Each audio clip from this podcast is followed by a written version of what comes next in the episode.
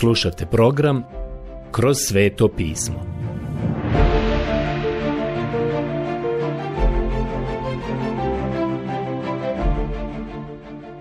Knjiga Postanak.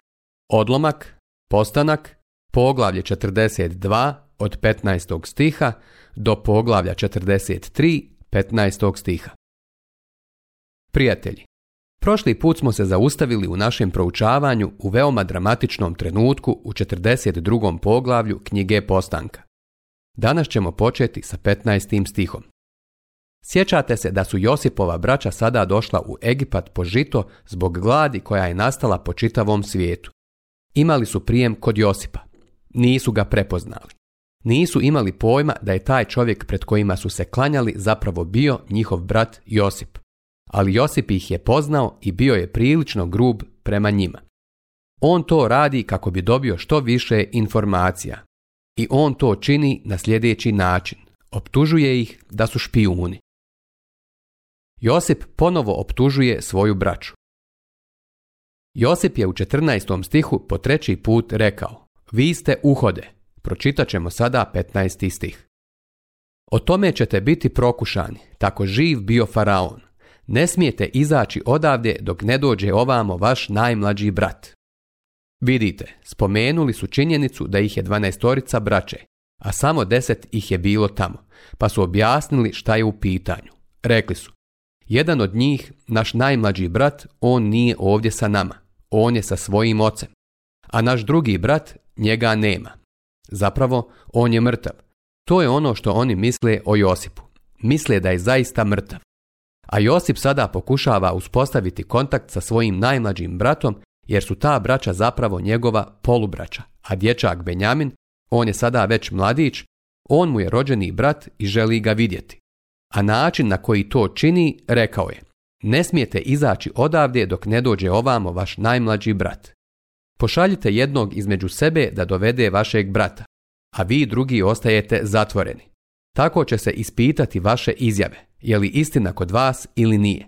Tako živ bio faraon. Vi ste uhode. Potom ih dade zajedno zatvoriti na tri dana. Knjiga Postanka 42, 16 do 17. Zatvorio ih je u gradski zatvor. Kaže vam, sada se ovoj braći loše piše. Čudili su se šta ih je snašlo. Čitamo sada 18. stih. A treći dan reče im Josip, ako hoćete ostati na životu, onda morate učiniti ovo, jer se ja bojim Boga. Ako je postojalo nešto što bi ukazivalo ili im dalo naslutiti ko je Josip, onda je to ova situacija. On kaže, bojim se Boga. Bilo je u to vrijeme ljudi, mada ja to ne mogu dokazati, ali bilo je u to vrijeme ljudi koji su očigledno poznavali Boga. Oni su spoznali Boga kroz žrtve. To vjerovatno nije pobudilo zanimanje ove braće ili bacilo možda malo sumnje na to ko bi mogao biti ovaj čovjek, ali on barem daje svjedočanstvo za Boga. I želio bih da primijetite da Josip nikada ne propušta priliku dati svjedočanstvo za Boga. Vjerujte mi, on ovdje daje svjedočanstvo jer će Bogu dati slavu kao onome koji upravlja njegovim životom. Mislio sam da je ovo moglo navesti braću da posumnjaju to ko bi on mogao biti. Istovremeno, to ih je također moglo ohrabriti u uvjerenju da će Josip sa njima postupati pravedno. Ali očigledno je da to na njih nije ostavilo nikakav utisak. Ne izgleda kao da jeste. Međutim, Josip im sada kaže sljedeće. Pročitat ćemo u 19. stihu. Ako ste pošteni ljudi, onda neka ostane jedan između vas, braće, zatvoren u vašem dosadašnjem zatvoru. A vi drugi možete ići i sa sobom uzeti žito za svoje obitelji što gladuju ali najmlađega svojega brata morate mi ovamo dovesti. Tako će se pokazati vaše izjave kao istinite i vi nećete morati umrijeti. Oni pristadoše na to. Knjiga Postanka 42, 19 do 20. Josipova braća su već odrasli ljudi. Pretpostavljam da su neki od njih imali i 50 godina. Ti ljudi se sada nalaze u pravoj nevolji, ali sa njima se pozabavio jedan koji se boji Boga ali i oni se boje jer ne znaju šta će Josip učiniti. Dakle, on je iznio jedan prijedlog, rekao je, i to pod izgovorom da ih ispita da li su pošteni ljudi. On kaže, sada ostavite jednog od svoje braće ovdje, a sljedeći put dovedite svog mlađeg brata ili se jednostavno ne vraćajte. To je sve. Rekao je, to je način na koji ću provjeriti da li mi govorite istinu ili ne. Molim vas obratite sada pažnju na ono što slijedi. Tada rekoše jedan drugome, doista to skrivi smo na svom bratu, jer vidje smo njegovu duševnu muku, kad nas je molio, a mi ga ne posluša smo. Zato dođe na nas ova nesreća. Knjiga Postanka 42.21 Ono što se ovdje događa je veoma zanimljivo. Josipova braća govore na hebrejskom jeziku, a on ih razumije. Ali Josip je razgovarao sa njima preko prevodioca. Nije morao, ali je tako učinio jer je pred njima želio ostaviti utisak da je Egipćanin. Oni ni ne pomišljaju da ih on razumije, a kada oni o tome razgovaraju, Josip ih čuje i razumije, što je skoro pa njihovo priznanje. Idemo sada na 22. stih. Čita Ruben ih prekori. Ne rekoh li vam, ne ogriješite se od dječaka, ali me ne doste poslušati. Tako se sada traži od nas račun za njegovu krv sada se osjećaju kao da je ono što im se događa osveta ili Božji sud nad njima, zbog toga kako su oni postupili sa Josipom. Šimun ostavljen kao talac. Pročitat ćemo sada 23. stih. Oni nisu znali da ih Josip razumije, jer je on s njima razgovarao preko tumača. On se okrenuo od njih i zaplaka. Potom se opet vrati k njima i razgovarao je s njima. Onda dade između njih uhvatiti Šimuna i svezati ga pred njihovim očima. Knjiga Postanka 42, do 24. Ono što se dogodilo jeste sljedeće. Josip ih je čuo i čuo ih je kako se sada kaju. Stvarno su se pokajali. Kažu da ih je sve to snašlo zbog zla koje su učinili svome bratu Josipu. Josip sada čuje svaki dijelić toga i Josip je sada smekšao prema njima. On bi sada volio da im priđe i zagrli svakog od njih, poželi im dobrodošlicu i nazove ih moj brate. Ali ne usuđuje se to učiniti jer onda nikada ne bi doveo Benjamina u Egipat kod sebe, a on ih još želi testirati. Vidjet ćemo da tek slijedi pravi test. Sada će ostaviti jednog brata. Ostavili su Šimuna. Josip, kada je bio toliko ganut, morao je otići u stranu i zaplakati, a onda je oprao svoje lice Riješio se suza i došao ponovo među njih kao da se ništa nije dogodilo. Jednostavno se nije mogao suzdržati od plaća. Za njega je sve to bilo tako puno emocionalnog naboja. Sada ostavljaju Šimuna. Možda ćete me sada upitati zašto to čine. Želim vam nešto reći. Ne znam. Ne znam zašto su ostavili Šimuna. Zašto nisu ostavili nekog drugog? Iskreno govoreći da su ostavili bilo kojeg od njih desetorice, još uvijek bih rekao da ne znam zašto su ga ostavili. Ali Šimun je bio taj koji je bio izabran. Pretpostavljam da su napravili izbor dok Josip nije bio među njima i Josip je to prihvatio. Josip šalje devetoricu braće kući. Molim vas da sada obratite pažnju na 25. stih. Potom Josip zapovjedi da im se vreće napune žitom, a pritom da se svakome njegov novac opet stavi u njegovu vreću i da im se da hrana za put, pošto se je tako bio pobrinuo za njih. Jednostavno nije mogao da uopšte ne uzme novac od njih, ali kada su napunili svoje vreće žitom i kada su platili novcem koji su donijeli, on je zapovjedio da se taj novac vrati u njihove vreće. Na taj način se pobrinuo za njih. Natovariše oni svoje žito na magarce i otiđoše. A kad jedan od njih u prenoćištu otvori svoju vreću da nahrani svojega magarca, ugleda novce što su bili odmah od ozgo u njegovoj vreći. On kaza braći, novci su moji opet tu, evo ih u mojoj vreći. I zadrhta srce u njima. Uplašeni pogledaše jedan drugoga i rekoše, zašto nam to učini Bog? Knjiga Postanka 42, 26 do 28. I sada vidimo da su prepoznali Božju ruku u svojim životima i osjećaju se kao da je to Božji sud nad njima. Neko ko ovo sada sluša reći će da to nije Božji sud nad njima. Ovo bi inače bila dobra vijest i prekrasna stvar. Da li biste vi imali nešto protiv da odete u svoj lokalni supermarket? Koji god da je supermarket u mjestu gdje živite i gdje se snabdijevate, Pretpostavimo da ste otišli tamo i nabavili namirnice za vikend i da ste napunili dvoja velikih kolica. Neki dan sam vidio ženu koja je kupila toliko namirnica, a s njom je bilo troje djece. U to dvoje kolica je imala više namirnica nego što ih je ostalo u supermarketu. I prokomentarisao sam to. Rekla je, imam još troje djece kod kuće. Kod kuće je troje, sa sobom je imala troje, a zatim muža i sebe. To je bilo puno usta za hraniti.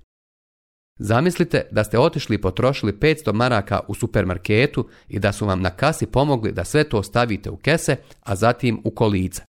Vi ste izašli iz supermarketa, ušli ste u svoj auto i našli ste svojih 500 maraka tamo na vrhu jedne od kesa. Da li bi to za vas bila loša vijest? Pogotovo ako biste saznali od prodavača da je to bio njihov dar vama.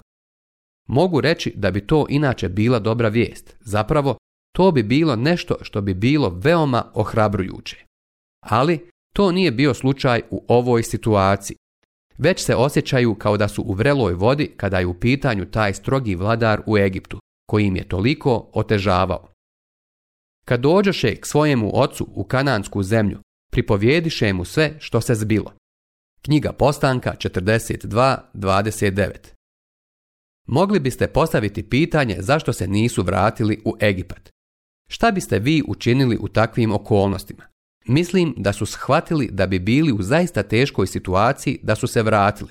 Barem su tako mislili, da bi bili u nezgodnoj situaciji i da bi ih taj čovjek tada optužio za krađu novca. Oni nisu rizikovali. Otišli su kući i namjeravaju vratiti novac kada ponovno odu u Egipat, jer su osjećali da će se morati vratiti ukoliko se glad nastavi. A nastavit će se. Sada ćemo pročitati 29. stih. Kad dođeše k svojem ocu u kanansku zemlju, pripovjediše mu sve što se zbilo. Rekoše, čovjek koji zapovjeda u zemlji otresao se oštro na nas i smatrao nas je ljudima koji su došli da uhode zemlju. Odvrati smo mu. Mi smo pošteni ljudi, mi nismo uhode. Dvanaest nas je braće, svi sinovi jednog oca. Jedan nije više na životu, a najmlađi je sada kod našeg oca u kananskoj zemlji. Ali čovjek koji zapovjeda u zemlji odvrati nam. Ovako ću doznati da ste pošteni ljudi. Jednoga od vas, braće, ostavite kod mene. Uzmite sa sobom što trebate za obitelji koje gladuju i otiđite. Ali morate mi dovesti najmlađega brata. Tako ću doznati da niste uhode nego pošteni ljudi. Onda ću vam vratiti i vašeg brata i vi ćete moći slobodno hoditi po zemlji. Knjiga Postanka 42, 29 do 34. Zapamtite, ostavili su Šimuna tamo dole u egipatskoj zemlji. A kada su praznili vreće, svaki nađe zavežljaj svog novca u svojoj vreći. Kad vidješe zavežljaj svog novca, uplašiše se oni i njihov otac. Knjiga Postanka 42.35. I to s pravom, naravno, osjećali su da je to neki trik. Reče im njihov otac Jakov. Vi meni posmica ste djecu. Josipa nema više, Šimuna nema više na životu, a sada mi hoćete i Benjamina oduzeti. Zašto se sve to obara name? Knjiga Postanka 42.36. Jadni stari Jakov, on više nije drska osoba kakvu smo nekad poznavali. On još uvijek nije potpuno čovjek vjere kakvog ćemo vidjeti malo kasnije, ali on raste u tome. Jakov se sada ne hvali, već je vrlo pesimističan. Sve ove stvari su protiv mene. Njegov sin Josip to ne bi rekao, ali ovaj čovjek jeste. Apostol Pavle će to reći na drugačiji način. Pavao će reći, znamo doista da se onima koji ljube Boga sve okreće na dobro poslanica Rimljanima 8.28. On je još rekao, uzdam se upravo u to da će onaj koji je počeo dobro djelo u vama dovršiti ga do dana Krista Isusa. Poslanica Filipljanima 1.6. Ruben reče svojemu ocu, dva sina moja slobodno ubi ako ti ga ne dovedem natrag. Povjeri ga meni, ja ću ti ga opet dovesti. Ali on odvrati. Moj sin ne ide s vama, brat je njegov eto mrtav i on ostade sam. Ako bi ga zadesila kakva nesreća na putu na koji morate ići, onda moje sjede vlasi od tuge otpraviste pod zemlju. Knjiga Postanka 42, do 38. Sada je život ovog čovjeka Jakova bio vezan za život njegovog sina Benjamina. Vidimo da mu je Josip bio miljenik. Bio je prvorođenac njegove drage Rahele, ali Josipa više nema. To je Jakovu slomilo srce, a sada je u situaciji da može izgubiti i drugog Rahelinog sina. I Jakov kaže da će umrijeti ukoliko se to dogodi. Iskreno govoreći, to bi se i dogodilo. Njegov život je apsolutno bio vezan za život njegovog sina Benjamina. On je sin moje desnice. On je moj štab. Oslanjam se na njega. To je ono što je Benjamin bio za Jakova. A sada mi ga hoćete uzeti. Zato Jakov kaže, Neću ga pustiti da ide sa vama u Egipat. Ali jadni Šimun je tamo dole, u Egiptu, u zatvoru. Međutim, Jakov ipak kaže neću pustiti Benjamina. 43. poglavlje. Glad se nastavlja. Sačekajte samo jedan trenutak. Ovo nas sada dovodi do 43. poglavlja knjige Postanka. Mi sada dolazimo do onoga što smatram najdramatičnijim dijelom riječi Božje. Možda se ne bih trebao tako izraziti, ali dopustite mi da kažem da dolazimo do najdramatičnijeg dijela knjige Postanka. Ja ne znam ništa što bi bilo tako dirljivo kao to da se Benjamin pojavi pred Josipom. Ono što ostalu braću ponovo dovodi u Egipat jest ozbiljnost gladi. Da je glad nestala, mislim da bi Šimun ostatak svoga života proveo u zatvor, dole u Egiptu ili barem do trenutka dok ga njegov brat Josip ne bi oslobodio ali čitamo o gladi sljedeće. Čitamo sada prvi stih 43. poglavlja knjige Postanka. Ali je glad teško pritiskivala zemlju. Kad potrošiše sve žito što su ga bili donijeli iz Egipta, reče im otac. Idite još jedanput onamo i kupite nam opet nešto žita. Postanak 43, 1 do 2. Umrijećemo od gladi ako ne odete u Egipat. Poslušajte sada Judu. Juda mu odvrati. Onaj čovjek nam je zaprijetio. Ko je taj čovjek? Pa taj čovjek je Josip, njihov brat, ali oni to još ne znaju. Onaj čovjek nam je zaprijetio. Ne dolazite mi na oči ako ne bude s vama vaš brat. Ako dakle pustiš s nama našeg brata, poći ćemo i kupit ćemo ti žita. A ako ga ne pustiš nama, onda ne idemo tamo, jer nam onaj čovjek reče, ne dolazite mi na oči ako ne bude s vama vaš brat. Postanak 43, 3 do 5. Prijatelji, to je bila samo ponuda o kojoj nije bilo pregovora. Ili će dovesti svoga brata Benjamina ili da ne dolaze. Vrlo je jednostavno. Pročitat ćemo sada u šestom stihu šta im je otac rekao na to. Tada reče Izrael, zašto mi učiniste tu muku i kazaste tom čovjeku da imate još jednog brata? Jadni stari Jakov, on je sada zaista isfrustriran. On kaže svojim sinovima. Zašto ste za ime svijeta uopšte spominjali tom čovjeku da imate još jednog brata? Naravno, Josip bi to i onako znao. Dakle, ovdje vidimo jednog starog Jakova koji bi želio da su njegovi sinovi držali jezik za zubima. Pročitat ćemo sada sedmi stih. Odgovoriše. Čovjek se potanko raspitivao za nas i za naš rod i zapitao je. Je li vam još živ otac? Imate li još kojega brata? Mi mu odgovorismo na njegova pitanja. Jesmo li mogli znati da će zahtijevati od nas dovedite ovamo brata? Oni su veoma razumni u vezi sa tim. Rekli su, mi nismo planirali sve reći, ali on nas je nastavio ispitivati. Činjenica je da je Josip namjeravao izvući informacije od njih. U to možete biti sigurni. Sada ćemo čitati osmi i deveti stih a Juda zamoli svojega oca Izraela. Pusti dječaka sa mnom. Tada ćemo se zaputiti i otići tamo, da ostanemo na životu i ne poumremo mi, ti i naša djeca. Ja sam jamac za njega. Brinuću se za njega. Iz mojih ruku išti ga. Ako ti ga ne dovedem natrag i ne stavim ti ga pred oči, bit ću ti kriv dok sam živ. Postanak 43, 8 do 9. Prijatelji, vi i ja danas imamo jamca, a on je došao iz plemena Judina. To je gospod Isus. On je zauzeo moje mjesto i postao moje jamstvo. Zauzeo je moje mjesto i platio moju kaznu. Nisam bio u stanju ugoditi Bogu. Nisam mogao ispuniti njegove standarde. Nisam mogao dosegnuti do njegove razine. Ali gospod Isus je uskočio i postao je moje jamstvo. Dao je život za mene. Želim vam reći kakvu sliku imamo ovdje. Ako ti ga ne dovedem natrag i ne stavim ti ga pred oči, bit ću ti kriv dok sam živ. Da nismo tako dugo oklijevali, do sad bismo se sigurno već dva puta vratili. Postanak 43, 9 do 10. Juda je rekao svome ocu, mogli smo se već vratiti samo da si nas pustio da idemo. Tada im reče njihov otac Izrael, kad mora biti, onda učinite ovo. Uzmite što najljepše ima u ovoj zemlji u svoje vreće i ponesite onome čovjeku na dar, nešto balzama i nešto meda, gume i smirne, urme i badema. Postanak 43.11 Vidite, ono što im je nedostajalo je bilo žito. Nedostajalo im je hljeba, osnovne životne namirnice. Očigledno je da su imali med i začine.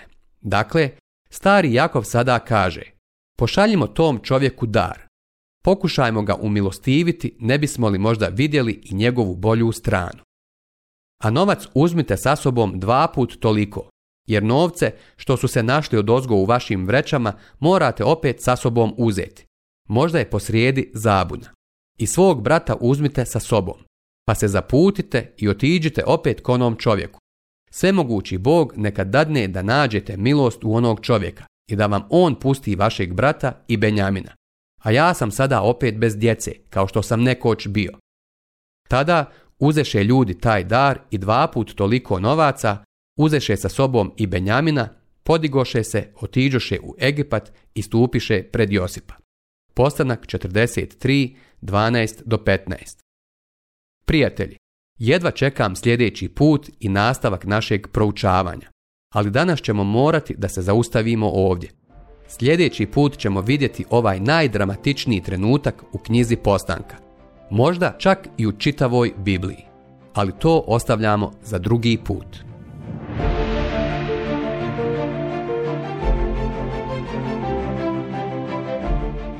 Slušali ste emisiju Kroz sveto pismo. Možete nas slušati i na našem YouTube kanalu putem mobilne aplikacije na svim glavnim podcast platformama kao što su Google, Apple i Spotify.